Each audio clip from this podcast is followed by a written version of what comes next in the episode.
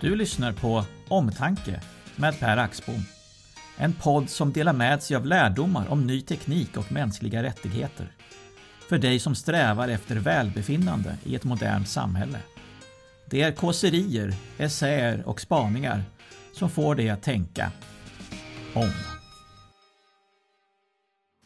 Sättet du skriver på ett tangentbord kan avslöja din identitet. Ett relativt okänt forskningsområde är knapptrycksdynamik, eller på engelska Keystroke Dynamics. Det handlar om ett sätt att identifiera människor utifrån hur de skriver på ett tangentbord.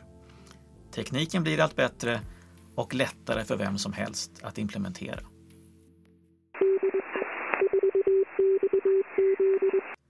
Så tidigt som 1860 förstod erfarna telegrafioperatörer att de kunde känna igen individer på deras unika knackande på telegrafknapparna. För ett tränat öra så kunde det mjuka tipptappandet hos varje operatör vara lika bekant som den talade rösten hos en familjemedlem.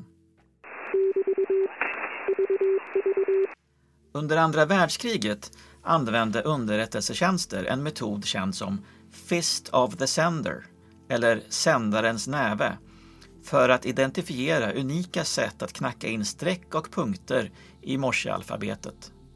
Det användes för att skilja vän från fiende. Takten och stilen i kommunikationen hjälpte operatörerna att härleda vem som var i andra änden. Ju mer du skriver, desto mer av dina unika egenskaper kan samlas in och identifieras. Även om människor skriver på tangentbord i ungefär samma hastighet så har alla också pausmoment, sekvenser och hålltider för särskilda bokstäver som endast gäller just dem. Ju fler av dessa variabler vi har tillgång till, desto säkrare kan vi bli på en persons identitet. Vanliga felstavningar, grammatiska fel, favoritord, skiljetecken, stora och små bokstäver samt användning av emoji-symboler kan dessutom spela roll i informationsinsamlingen. Ju mer som är känt, desto närmare kommer vi något som är likvärdigt ett biometriskt fingeravtryck.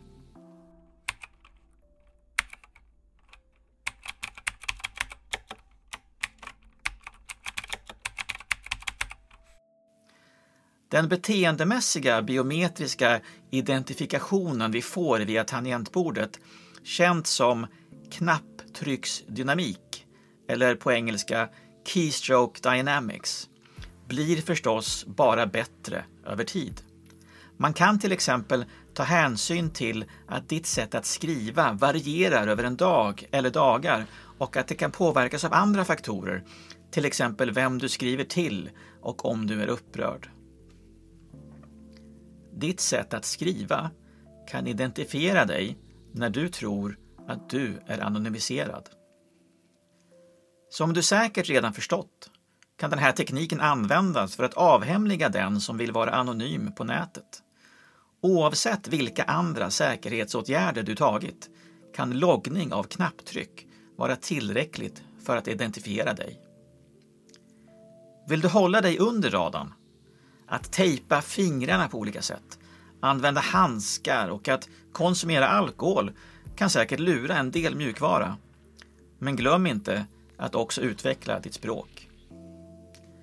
Lägg märke till att loggning av knapptryck är olagligt i de flesta länder. Det jämförs med avlyssning. Och förhoppningsvis inte så utbrett som man kan befara.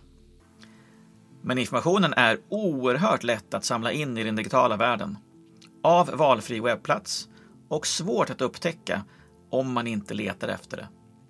Skaparna av mjukvaran är oftast inte utbildade i att förutse potentiellt missbruk eller så vet de inte ens om att det de gör är olagligt. Facebook började analysera det du skrev även när du inte publicerar redan för flera år sedan. Vem som gör vad i dagens digitala värld är inte alltid uppenbart och ibland sker loggning med argumentet att det förbättrar säkerheten, vilket ibland är berättigat och ibland inte. Men återigen, din kontroll som konsument och användare är i stort obefintlig. Medvetenhet är allt vi kan sprida. Den 24 maj 1844 skickade Samuel Morse ett historiskt telegrafimeddelande från Washington DC till Alfred Vail i Baltimore, Maryland.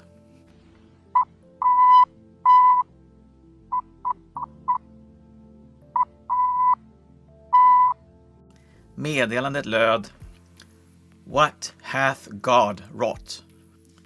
Ungefär Vad har Gud bringat?